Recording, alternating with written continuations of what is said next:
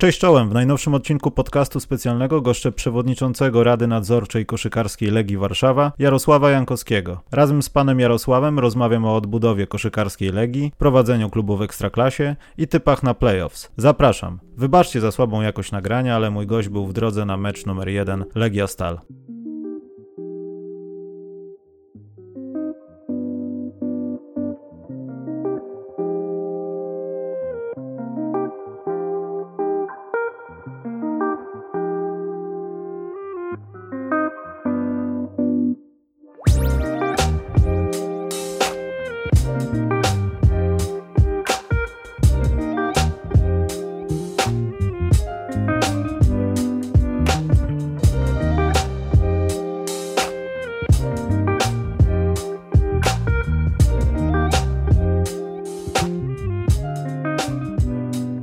Pan prezes jest w trasie, dlatego wybaczcie trochę jakoś audio, ale pan prezes no, wa walczy, żeby dojechać przed pierwszym meczem. Witam pana prezesa. Dzień dobry. E, przede wszystkim będą nieprzyjemne tematy, będą przyjemne. Natomiast pierwsze pytanie. W świecie sportu często się zdarza, że no, władze, prezesi, zarządy opowiadają, że w ciągu iluś tam lat do, dotrzemy do jakiegoś takiego punktu, że będziemy gdzieś. I pamiętam takie rozmowy, kiedy no, Legia było, było odrodzenie potęgi, w zasadzie dalej jest, tylko już w szczytowym jak gdyby no, miejscu tego projektu powiedzmy, chociaż jeszcze koniec to jest wiadomo, no, Mistrzostwo Polski. Ale kiedy Legia była w tej, tej gorszej formie i tak wspinała się powoli po tej drabince, mówił pan, że no celem tego wszystkiego jest to, żeby być najlepszą drużyną w Polsce i no powiedzmy, bądźmy szczerzy, po kilku perturbacjach, no to chyba się dzieje. Jak to jest obiecywać i, i żeby te obietnice się spełniały? Znaczy, no, I tak i nie. Znaczy, to na pewno jest, to jest lata ciężkiej pracy wielu ludzi, yy, którzy przy tym projekcie są od 10 lat. Dzisiaj jest pewno trochę łatwiej, bo już jesteśmy w Ekstraklasie, ale jakbyśmy w trzeciej czy w drugiej, pamiętam te wywiady i te pytania i takie powątpiewanie żeby nie powiedzieć pośmiewanie się z naszych planów, marzeń, e, ale my gdzieś tam robiliśmy swoje, widzieliśmy, że, że ten cel jest do zrealizowania i to się udało. Już jakby nikt tego nie pamięta, ale myśmy naprawdę przebyli długą drogę z tej trzeciej ligi. Mam sobie z trzeciej ligi do drugiej to trzeba być najlepszym, z drugiej do pierwszej trzeba być najlepszym i z pierwszej do ekstraklasy znów trzeba być najlepszym. Tu nie ma gdzie można być drugim, żeby awansować, a myśmy sobie też przyjęli taką optykę, że do każdej ligi chcemy sportowo awansować, żeby budować tą historię klubu i to się udało nam zrobić i, i nie korzystaliśmy z żadnych ułatwień, z żadnych dzikich kart zapleczy, mimo że takie opcje były. Na każdym poziomie rozgrywkowym myśmy, myśmy wyszli z założenia, że, że chcemy to zrobić sportowo i to się udało. A co tak naprawdę było najtrudniejsze albo największym wyzwaniem w tej drodze? Czy to było bardziej to, żeby wydostać się z tej pierwszej ligi, no bo nie oszukujmy się, to trochę trwało, dłużej pewnie niż zakładaliście, a e, czy zostać w ekstraklasie, bo te okresy z trenerem Tanes Pasewem, no nie były najgorsze, też były trochę szczęśliwe, bo tam ta historia z Czarnymi Słupsk, która trochę pomogła. E, co było, co było z tych dwóch rzeczy najtrudniejsze? Bo to chyba były najtrudniejsze etapy takie. Znaczy ta pierwsza liga, powiem szczerze, to, jest taki, to, to taki trójkąt bermudzki, z tego trudno się wydostać, można tam dostać na lata. I trochę rzeczywiście myślałem taki rozchocony tym, że trzecia liga poszła fajnie, druga liga też w dwa lata i że pierwsza też później w dwa lata, no poszła w trzy po takim na chyba największym rozczarowaniu, bo 2016 rok yy, gram finał z Krosnem, który gra cały sezon rewelacyjny, tam przegrał, nie wiem, dwa mecze chyba, tak? I jedziemy do nich na dwa mecze i wygrywamy jeden z tych meczów, przyjeżdżamy do Warszawy, wygrywamy mecz chyba 20 punktami, mamy 2-1 i dzień później mamy mecz. Dodam do tego jeszcze całą otoczkę, że to jest rok, w którym piłkarska Legia właśnie w ten, tego samego dnia ma zdobyć Mistrzostwo Polski na stulecie klubu. Oba mecze są zaplanowane tak, że najpierw grają koszykarze, później piłkarze ma być wspólne świętowanie to wszystko. I po tym meczu, jak dostajemy 20, wygrywamy 96 20 plus, dostajemy na przykład w łeb 20 minut. Jest stan rywalizacji 2-2, idziemy do Krosna i tam przegrywamy. To był taki bardzo trudny emocjonalnie dla mnie moment, ale powiem szczerze, z drugiej strony on mi pokazał, że byłem tak blisko celu, że no, zrezygnowanie czy odejście od tego będzie straszną porażką, moją osobistą. I, I następnego dnia pamiętam, jak się obudziłem, miałem strasznie dużo w sobie takiej energii, i że pamiętam załamany, miałem w sobie taki duży entuzjazm, że kurde, w tym roku się uda, zrobimy, wyciągniemy wnioski wszystkich błędów i, i wygramy to. I dokładnie tak było, wygraliśmy tę ligę, można powiedzieć, w cudach. W finale rozjechaliśmy w Gliwice tam 3-0 bez żadnego najmniejszego problemu, tak? I, ale ale ten, ten rok, kiedy nie awansowaliśmy, był rzeczywiście trudny, a Ekstraklasa to, to, było, to była nauka, to było zdarzenie się z rzeczywistością, to było brak naszego doświadczenia, brak wiele błędów, które popełniliśmy.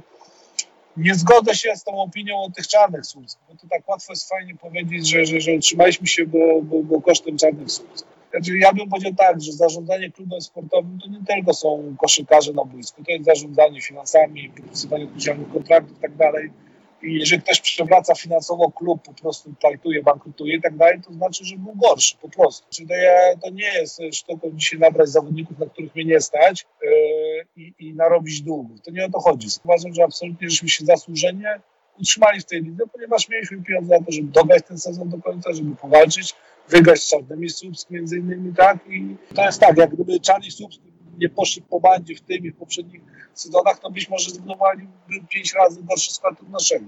Też warto dodać, że to tak trochę też jest oparte na szczęściu, no bo wiadomo, no kontraktuje się określonych zawodników, oni nie zawsze grają tak jak się od nich oczekuje. E, no to jest sport. Poza tym ten łód szczęścia, no po prostu można być gorszym w jakimś momencie. Tu absolutnie nie atakuje, ale w większym takim obrazie, no to wyglądało trochę tak, że no ci czarni po tym meczu z Legią w zasadzie to chyba nie wiem, czy zagrali następny mecz jeszcze, czy już potem pożegnali się w ogóle z koszykówką ekstraklasową.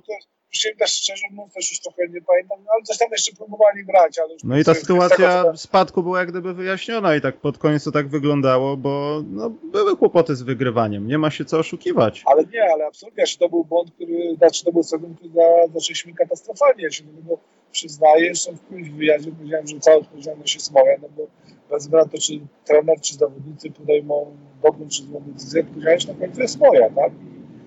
I, i, i wzięliśmy to, wziąłem to na klatę i, że tak powiem, wyciągnąłem wnioski, przyszedł Tane, który powiem szczerze, bardzo dużo nam dał w sensie takiego, e, nie tylko, nie tylko w aspekcie sportowym, ale w aspekcie takiego organizacyjnym w ogóle tego, jak powinien klub funkcjonować, co jest ważne. Dużo żeśmy się nauczyli od który pracował w dużych klubach, naprawdę przy bardzo dobrych trenerach, przy bardzo, bardzo dobrych organizacjach, bardzo dużo nam to dało. Zresztą dzisiaj jak Wojtek Kamiński przyszedł do, do nas, do klubu, to nic nie musiał zmieniać, wszystko chodziło jak w zegarku podane, tak? Jakby, jeśli chodzi o wszystkie kwestie, nazwijmy to mm, po, pozasportowe, czyli cała organizacja funkcjonowania klubu, zespołu, to, to, to dotyczy pierwszej drużyny i tak dalej, tak? My sami sobie też stawiamy sobie wysokie wymagania i standardy, jeśli chodzi o zaplecze, o sztab, o opiekę medyczną, wiele innych rzeczy, ale co powiedzieć, dane nas wyniósł na, na, na, na inny poziom taki, taki organizacyjny.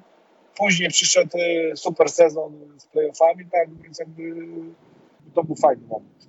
Zanim zapytam o to, bo na pewno były jakieś takie rzeczy i na pewno są rzeczy, o których nie do końca może pan mówić, jeśli chodzi punktu widzenia, no powiedzmy, włodarza, ale ja chciałbym teraz poruszyć trochę temat warszawski i to też jest straszna rzecz, że jesteśmy no, w dobie pandemii, tego co się dzieje na świecie i ten sport trochę jak gdyby do, no, dostał w plecy solidnym nożem ale Warszawa zawsze zasługiwała, no stolica Polski, tu już nie chodzi o jakieś tam piłkarskie animozy i tak dalej, ale nie miała przez lata ekstraklasowej drużyny i nagle teraz ma e, drużynę, której, której teraz już nie trzeba się wstydzić im opowiadać, że na przykład jak złośliwi mówili, że Puchar Polski jest dla Legii Warszawa, mimo że ona ma kłopoty z awansem do playoffów i nagle jest ta drużyna teraz. E, co w jak panu się wydaje, co teraz powinno się zrobić, żeby, miejmy nadzieję, po wyjściu tej całej pandemii, no, sytuacja tak się odwróciła w koszykówce. Wiadomo, no, boomu na koszykówkę też trzeba szukać w innych miejscach generowania tego boomu. Ale co może pomóc Legii, żeby no, Legia po prostu była takim klasowym klubem i dogodnie reprezentowała Warszawę, a nie w hali powiedzmy na Ursynowie? Nowy obiekt tylko, czy coś więcej? Znaczy są dwa aspekty. Znaczy, po pierwsze, no, wynik sportowy to zawsze determinuje jaką pozycję ma dany klub w danym mieście, w danym kraju, w danej dyscyplinie. Więc jeżeli my gramy dobrze, bardzo dobrze, to wiadomo, że jest dużo łatwiej. Tak? I rozmawiać też ze sponsorami, z włodarzami miasta, ze wszystkim. Tak? I to jest jeden aspekt, to jak my wyglądamy sportowo, to zależy od nas. A drugi aspekt, no, żeby zrobić krok naprzód, no to na absolutnie infrastruktura, czyli hala. Tak? Bez, bez, bez hali, która spełnia wymogi gry w pucharach, widzę mistrzów, jednak oczywiście pół żartem, pół serio można powiedzieć, co my zrobimy, jeśli e, będziemy mogli grać Widzę Mistrzów w tym roku, tak, bo, bo wynik sportowy na to pozwoli, to Przypomnę, że tam jest wymóg hali 3000 miejsc. Takiej hali nie ma w Warszawie poza Torwarem, który z różnych powodów jest bardzo trudno osiągany, nawet nie mówię z powodów finansowych, tylko z powodu obłożenia, jeszcze mówię w czasach takich pandemicznych, tak? Może się okazać, że jest problem, że nie będziemy mieli gdzie grać. Ale jeśli chodzi o, no nie wiem, wsparcie miasta, no to rozumiem, że przede wszystkim liczy się wynik sportowy i wtedy już siadamy do stołu odważniej. To też tak na wprost nie jest. Znaczy, na pewno wynik sportowy pomaga. Dzisiaj przez te kilka lat wyrobiliśmy sobie bardzo dobre relacje tutaj z, z, z panią prezydent Kaznowską. Rzeczywiście i, i to wygląda dużo lepiej niż wyglądało parę lat temu i rzeczywiście dzisiaj e, te wsparcie już jest jakieś takie, bym powiedział, na średnim poziomie krajowym. To jest jakiś fundament po to, że możemy myśleć o, o rozwoju. Ale na pewno nie, na pewno nie jest tak, że jak zdobędziemy medal, to w związku z tym popłynie lawina pieniędzy z miasta. No tak to niestety nie działa, bo umowy są podpisywane na określony rok, są promocyjne i, i ten wynik sportowy w tym wypadku nie wiąże się bezpośrednio gratyfikacją finansową. Wracając do bycia prezesem, e, jak to ciężko jest być prezesem w ekstraklasie polskiej? Mówię, że trzeba się wtedy zapytać Roberta Hamelskiego, bo on jest prezesem formalnie spółki, ale rzeczywiście jest tak, że ja jako przewodniczący Rady Naszej powiedzmy to no, mam coś tam do powiedzenia i ta odpowiedzialność jest na mnie rzeczywiście. E, jak jest, e, tak jak w życiu, jak wygrywamy świetnie, jak przegrywamy jest mniej świetnie. Ale tak bardziej y, od strony bycia ekstraklasowym włodarzem. Czy były rzeczy, które jakoś, nie wiem, zdziwiły pana? Czy pan o wszystkich rzeczach wiedział i przyszedł jak gdyby w miejsce y, gry, które pan zna? Znaczy powiem tak, oczywiście pewne schematy, rozwiązania i pewne standardy to w sporcie są podobne, czy to piłka nożna, koszykówka, czy inna dyscyplina, e, czy nawet biznes. Na pewno jest tak, że ja się uczę tego środowiska, bo byłem osobą zupełnie nową i uważam, że to jest jakiś handicap, także nie jestem obciążony tym, że nie wiem, 20 lat temu się z kimś pokłóciłem i nie lubię i nie będę z nim współpracował. Nie, jakby generalnie e, z każdym zaczynałem od czystej karty. Wiadomo, że zawsze człowiek z kimś lubi bardziej, mniej ale na pewno nie mam tych obciążeń wieloletnich, jakichś tam e, negatywnych ze środowiskiem. Jestem osobą nową, mam dobre spojrzenie, gdzie też mam wrażenie, wiele osób to, to docenia. Mam po pierwsze spojrzenie ze swojego e, życia zawodowego do tej pory, ale mam też spojrzenie z powodu tego, że, że, że też jakby pracuję w zarządzie piłkarskiej Legii, gdzie, wiadomo, te standardy organizacyjne, funkcjonalne są najwyższe pewno w Polsce, jeśli chodzi o klub sportowy. No toż skoro mówimy o standardach, ma pan piłkę nożną w drugiej ręce i widzi pan ewentualnie, co można byłoby zmienić w polskiej lidze, żeby, żeby wszyscy byli zadowoleni. Są jakieś takie rzeczy, które można byłoby przetransformować dosyć łatwo, żeby usprawnić organizację naszej cudownej koszykówki ligowej? Ja powiem tak, wiele osób tą koszykówkę polską ligową gdzieś tam, nazwijmy to, hejtuje, bardzo źle mi mówi i tak dalej ja powiem w ten sposób, można się zgadzać, nie zgadzać z profesorem Piesiewiczem, ale jakby ja bym zawsze lubię patrzeć przez pryzmat fakt. Jakby patrzeć, gdzie, gdzie ta liga była trzy lata temu, gdzie jest dzisiaj, tak? Oczywiście ona nie jest doskonała i daleko, ale progres został zrobiony olbrzymi. Dzisiaj chodzi o to, żeby bardziej się skupić na tym, jak tę ligę rozwijać, w jaki sposób, tak? Co jeszcze można wdrożyć i tak dalej. Ja się też nie zawsze ze wszystkim zgadzam, co robi Radek, Pisiewicz, tak, ale rozmawiam z nim, jestem w stanie zawsze wziąć telefon, zadzwonić do niego, powiedzieć że mamy zdanie, czasami się nawet pokłócić, ale jak rozmawiamy na normalnym poziomie, jest to dyskusja, która jest twórcza i konstruktywna i wymieniamy się poglądami, tak, to nie jest tak, że zawsze sobie słodzimy, tak, mimo że, że, że, że, że się znamy już jakiś czas i się lubimy i że do pierwszej ligi, no, na temat kształtu pierwszej ligi, ja mówię Radkowi, to na razie nie mogę go przekonać i, i Piotra Machańskiego do tego, że ta pierwsza liga stoi w miejscu i że dopóki nie będą w niej obcokrajowcy, nigdy ci chłopcy, którzy tam grają, się nie rozwiną. No właśnie, to przepraszam, dygresja taka. Ja pamiętam czasy, tak. że w Legii w niższych jeszcze ligach grali obcokrajowcy i w tym nikt nie widział problemu. Tam nie było jakiegoś przeskoku poziomów, że nagle gracz z USA zmienia całą pierwszą ligę. E, dało się to robić. Kwestia ale, pieniędzy oczywiście, ale... Ale, ale, to nawet, ale to nawet jest kwestia pieniędzy, bo proszę mi wierzyć, że topowi zawodnicy pierwszoligowi, bo to też trzeba zobaczyć, że tych migracji między pierwszą ligą a ekstraklasą jest bardzo mało. Mm. Dlatego, że bardzo dużo zawodników pierwszej lidze ma tam dobrze. Mają płacone niezłe pieniądze, wiem, bo byłem w tej lidze 3 lata. E, nie ma jakiejś e, presji co do tego wyniku, wielu innych rzeczy. Nie ma konkurencji, no bo nie ma zagranicznych zawodników, którzy muszą konkurować, którzy mogą być lepsi, tak? I, i fakt najważniejszy, że proszę zwrócić uwagę, ilu zawodników rok do roku z pierwszej ligi awansuje do ekstraklasy. to są jedna, dwie osoby. I wiadomo, to jest tak, jak ja byłem z wielkim zwykiem dzisiaj przepisów dwóch Polaka, nagle polscy zawodnicy stali się lepsi, nagle kadra zaczęła też lepiać, nagle na wielu zawodników zaczęło wyjeżdżać za granicę, czego wcześniej w takiej ilości nie było, bo się okazało, że trzeba na boisku cały sezon konkurować, jak się konkuruje, to się człowiek rozwija a ta konkurencja, rywalizacja to jest przecież fundamentem sportu. I dzisiaj zabiliśmy ją w pierwszej lidze, była zabita po części przepisem o dwóch Polakach i każda taka typu regulacja nie służy niczemu. Ja nie mówię, że ma być pięciu obcokrajowców w pierwszej lidze, ale dopuszczenie jednego, dwóch obcokrajowców naprawdę nie zabierze miejsca młodym, traktowanym zawodnikom, oni tylko zyskają nauczą się grać z Amerykanami czy z Bałkańcami, nauczą się bronić przeciwko takim zawodnikom, nauczą się z nimi współpracować, wielu innych rzeczy. To będzie im tylko z korzyścią. A jak ktoś będzie za słaby, żeby grać w drużynie, gdzie jest jeden czy dwóch Amerykanów, to znaczy, że po prostu jest za słaby. A z ekstraklasowych rzeczy jakieś transformacje takie pozytywne, które by się nam przydały? Znaczy dzisiaj e, fajnie, że się zaczął o tym mówić, to był program promowania, ale nie przepisami, tylko jakąś gratyfikacją finansową i innymi rzeczami, granie młodymi Polakami. Ja to uważam, że akurat jest fajne. To, czego mi dzisiaj trochę brakuje, no to bym powiedział szczerze, trochę które się mówi o klubach, które są mocno zadłużone, które nie regulują swoich zobowiązań i tak dalej, które żyją na kredyt, które mają sukcesy na kredyt. I, I, to jest dla mnie dzisiaj problem, ponieważ ja prowadząc Legii, oczywiście są gorsze, lepsze momenty, ale no nie wiem, nie mam opóźnień, nie mam długów, ale robię to kosztem tego, że mam gorszy skład niż zespół, który te długi ma i nie jestem czasami w stanie z nim rywalizować. No i to jest dzisiaj to, co trochę doskwiera, czego nie ma dzisiaj w piłce, ponieważ w piłce proces licencyjny jest bardzo, to bardzo rygorystyczny i nie ma możliwości doprowadzenia do takiej sytuacji, jak jest w kilku mm, polskich klubach. Wiele jest plotek, wiele jest jakby niedomówień, kto ile ma długów, kto nie płaci, kto ten. Tego nie powinno być. Dzisiaj to nie wpływa dobrze na tą, e, na tą ligę. No i rzecz, która jest też przypisana do koszykówki e, i to trochę rozumiem, że to jest taki, nazwijmy to, to jest też, też rzecz, która jest wpisana po prostu w tę dyscyplinę, ale tu z ja się nie mogę się pogodzić, to jest kwestia kupowania dzikich kart. E, Pofarma spadła w tym roku, później przez trzy tygodnie słyszymy, że mówią, że chcą kupić dziką kartę, znaczy to dla mnie to zaburzenie jakiejś rywalizacji sportowej. Znaczy jak spadłeś, to graj w pierwszej lidze, wygraj tą pierwszą ligę, awans. Nie mam z tym jakiegoś gigantycznego problemu, ale to mi przeszkadza jakby w tym, żeby rzeczywiście ta rywalizacja sportowa była na pierwszym miejscu. Dobrze, przejdźmy do tego obiecanego tematu.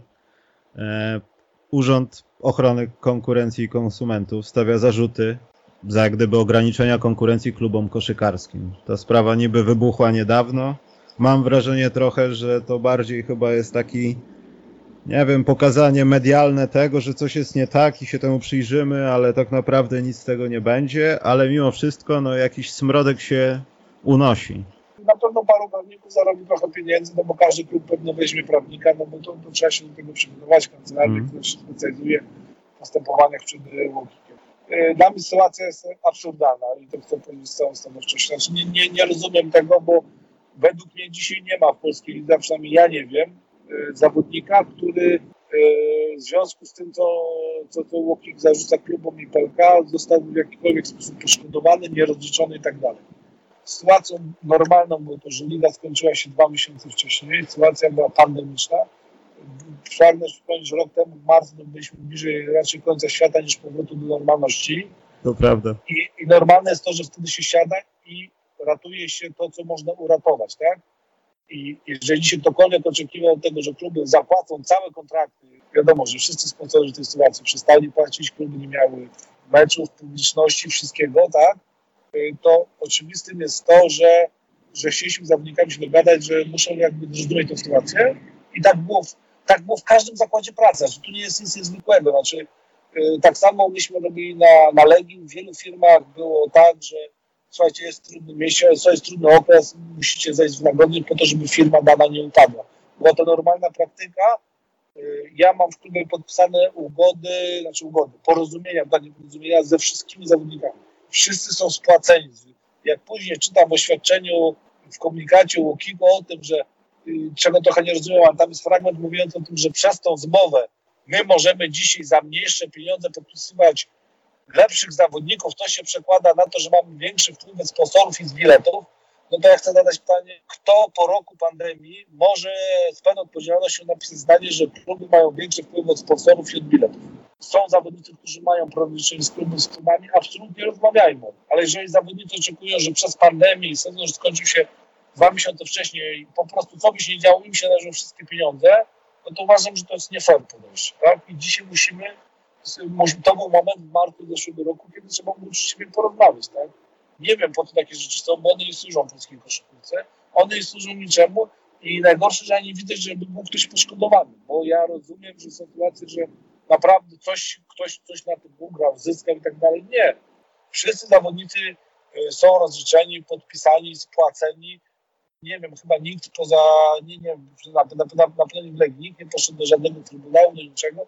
Więc ja się pytam, o co jest to postępowanie, bo ja nie rozumiem. O to, że wydaliśmy wspólne świadczenie jako kluby. Tak, wydaliśmy wspólne świadczenie, bo komunikowaliśmy się, bo sytuacja była, była sytuacja niespotykana w historii jakby życia każdego z nas, tak? Czy wybuchła pandemia, nie, wiadomo było, czy nie ma, czy za chwilę jakby wszystko nie przestanie w jakiś sposób istnieć, tak? I, i, i dziś jest oczekiwanie, że, że, że, że, że my mieliśmy normalnie funkcjonować. Nie, nikt nie funkcjonował w tym czasie normalnie. Każdy ratował, co mógł ratować. Czy to jest klub sportowy, firma, czy biznes rodzinny, czy cokolwiek innego. Każdy się w ten sposób zachowywał. No, jakby... no właśnie, ta sprawa też w moim odczuciu trochę tak no, ma bardziej obraz medialny niż... Jakiś faktyczny taki akt złapania kogoś za łeb, słuchajcie, jesteście niedobrzy, oszukujecie i nas to nie interesuje, będziemy to wyjaśniać. To trochę tak właśnie przypomina no taki, no takie straszenie albo powiedzenie mamy was na oku w razie co. Ale też e, chciałem się odnieść, e, oficjalnie wiadomo, że to z powodu zgłoszenia Związku Koszykarzy, czy po prostu to tylko komentarze Marcina Gortata doprowadzają do tego, że Związek mógł mieć coś z tym wspólnego? Znaczy, tak, ja sprawy nie widziałem, no bo nie jesteśmy jeszcze stroną dopiero teraz postępowania, więc tak nie wiem, czy będę miał wgląd do tego, mhm. ale gdzieś jakby zawiadomienie, znaczy nie wiem skąd mam tą wiedzę, że tak powiem, być może ona jest medialna, absolutnie, że jest to zawiadomienia Związku Koszykarzy, a po drugie, jak widząc wypowiedzi i pana Huberta i pana Marcina, no to widać, że jakby absolutnie grzeją ten temat, są z tego dumni, szczęśliwi i ogłosili to na swoich profilach jako swój sukces, tak? Bo to może stąd moje przeświadczenie, że, że to jest ich zawiadomienia, no bo y, trzy minuty po ogłoszeniu przez Walking pojawia się już fajna grafika zrobiona na profilu Związku Koszykarzy, która mówi o tym fakcie. Nie ma się z czego cieszyć. Y, wydaje mi się, że czeka nas jeszcze długie postępowanie w tej sprawie i na pewno to środowisku nie służy. Jestem ciekaw, jak to się rozwinie, bo faktycznie też ta sytuacja tego, kto zgłosił i kto przyłożył rękę jest taka trochę enigmatyczna, bo faktycznie to może być tak, że to Związek Koszykarzy, a to może być tak, że panowie szybko skomentowali to po prostu i rzecz tkwi gdzieś indziej, więc to też jest rozwojowe i ciekawe, ale najważniejsze to zabiera właśnie to, co teraz się dzieje, bo jesteśmy w pandemii, gramy w kosza i powinniśmy się bardziej z tego cieszyć i ale, myśleć, ale co dalej, niż znaczy, znaczy dmuchać tak, sprawę. Ży, żyjemy łokikiem, a nie playoffami, tym, że się udało, to jest wielki sukces tej ligi, że ona zaczęła wcześniej, że przegrała cały sezon, e, że gra dalej, za chwilę koszykarze grają awans do Igrzysk Olimpijskich. Wyglądali, wygrali awans do Eurobasketu. Kurde, no jest się z czego cieszyć, czym chwalić. Dlatego przejdźmy do prawdziwego sportu, który już jest opłacony. Jak pan to widzi w tym niezależnym bomblu, w którym gra się u gospodarzy? Powiem tak, no nie jestem zachwycony, rozumiem konieczność bańki. E, zawsze jest tak, że ktoś musi zyskać, w tym wypadku stale ostro, zawsze jest tak, że ktoś musi stracić, to pewno my i, i Stelmet, tak? który zyskał przewagę parkietu. E, ale takie jest życie, nie ma co się obrażać. Znaczy, to jakby decyzja padła i mogę się z nią zgadzać, nie zgadzać, może mi się podobać, ale no to mam teraz powiedzieć, że to jest fatalne, powiedzieć i tak dalej. Nie, cieszę się, że grałem w tym finale, że jestem w strefie medalowej, że liga może grać, że mimo pandemii, trudnego momentu takiego epidemicznego rozgrywki się toczą, że wszyscy są zdrowi i świetnie. Poza tym tak naprawdę już pomijając to, bo to też jest trochę taka złej balet, baletnicy, nie będzie kibiców, trzeba traktować obiekt, obiekt jak obiekt i tam grać po prostu. Natomiast największą trudnością jest to, w moim odczuciu, że mecz po meczu, dzień po dniu. E, to może, to może nie być za proste. W sensie są zespoły, które świetnie są w gazie, że grają dwa mecze, no jak w NBA, a potem jest przerwa i znowu dwa mecze, a niektóre, patrząc na pucharach Polski, różnie to bywa. Granie dzień po, dzień po dniu. Wierzę, że jesteśmy, że jesteśmy bardzo dobrze przygotowani. Mamy świetnego trenera przygotowania fizycznego Adama Blechmana, który naprawdę świetnym fachowcem. Jesteśmy dobrze prowadzeni, jakby jesteśmy gotowi. Nawet uważam, że może to być być może nasz atut właśnie w przygotowaniu fizycznym. E, nie chcę pytać o typowanie, bo oczywiście w tym pierwszym Legia wygrywa, tak? My wychodzimy to jest tak, że Ostrów musimy, chcemy. My musieliśmy, znaczy, znaczy mieliśmy ogromną presję i takie wewnętrzne ciśnienie, wytworzyliśmy sobie awansu do tego półfinału. To była dla nas wielka rzecz i tak dalej. Dzisiaj jakby te ciśnienie z nas zeszło, bo tak czy inaczej walczymy o medal, co, co przed sezonem, no powiedzmy szczerze, nie byliśmy do tego, nie wierzyliśmy w to, tak, no nie było to realne, wydawało się. Dzisiaj my już walczymy o medal, tak czy inaczej jesteśmy wygrani, tak, potwierdziliśmy, że drugie miejsce nie było przypadkiem, jesteśmy w top 4 tej ligi i jakby jest świetnie, tak, zagramy na pewno super, skoncentrowani, będziemy walczyć i wszystko co możliwe, tak. Presja zdecydowanie większa jest dzisiaj na Ostrowie. Zdecydowanie, no w ogóle, jeśli, jeśli to się powiedzie do końca, to oni, w ich głowach oni muszą to wygrać, bo jak nie, no to, to jest bardzo niedobrze, to są u siebie na miłość boską. A w tak, drugiej tak. parze jaki typ? Albo inaczej, z kim e, lepiej jakby Legia zagrała, ewentualnie awansując dalej? Dobre pytanie. Znaczy, nie wiem, znaczy, oczywiście no wiadomo, że e, nastali są faworytem tego meczu, mimo swoich jakichś tam trudności, ale nie przekreślałbym szans Śląska. Śląsk ma świetnego trenera. Te, te, te top 4 spotkało się naprawdę czterech najlepszych trenerów tej ligi. Bez, e, bez dwóch zdań. Znaczy, nie ma tu przypadkowych trenerów, nie ma tu trenerów, którzy troszkę stają. Nie. To jest trudno wskazać. Oczywiście ja będę, będę subiektywny i powiem, że Wojtek jest najlepszy i tak uważam, ale trudno obiektywnie wskazać, kto tu jest tej czwórki dzisiaj najlepszym trenerem. Czy Igor, który odnosił miliczyszy ogromne sukcesy w Polsce, czy Jean Tama, który stworzył świetną drużynę i grała rewelacyjnie na dwóch frontach, czy właśnie Widim, który grał bardzo ciekawą koszykówkę, ograł Zastal na wyjeździe, tak? No, wydaje mi się, że tak naprawdę y, tu będą decydowały niuanse. Znaczy nie spodziewałem się łatwego meczu, żadnej z tych serii, aczkolwiek pewno faworytem jest Zastal. Jak miałbym wstawić pieniądze, raczej bym wystawił na jakieś takie 3-2 dla, dla, dla, dla Stalu i tym samym finał z Legią. No ja ze swojej strony bardzo dziękuję za rozmowę. Oczywiście pozdrawiam wszystkich kibiców y, Legii Warszawa koszykarskiej i, i dziękuję za, za dotychczasowe wsparcie wyrażane w przeróżny sposób, ale naprawdę trzeba powiedzieć, że czujemy w tym roku ogromne wsparcie naszych kibiców, partnerów, sponsorów, wszystkich osób, które są przy klubie, wokół klubu i, trzymajcie kciuki za nas y, w tych playoffach, w walce o medale żeby Legia Koszykowska wróciła na należne jej miejsce. Ja dziękuję bardzo za rozmowę. Jako Bemowianin chciałbym powiedzieć, że będziemy patrzeć na ręce władzy. I bardzo się cieszę. Będziemy oglądać mecze, proszę pana, i tu nie ma, nie ma miękkiej gry. Bardzo się cieszę i bardzo na to liczę. Nie mamy nic do ukrycia.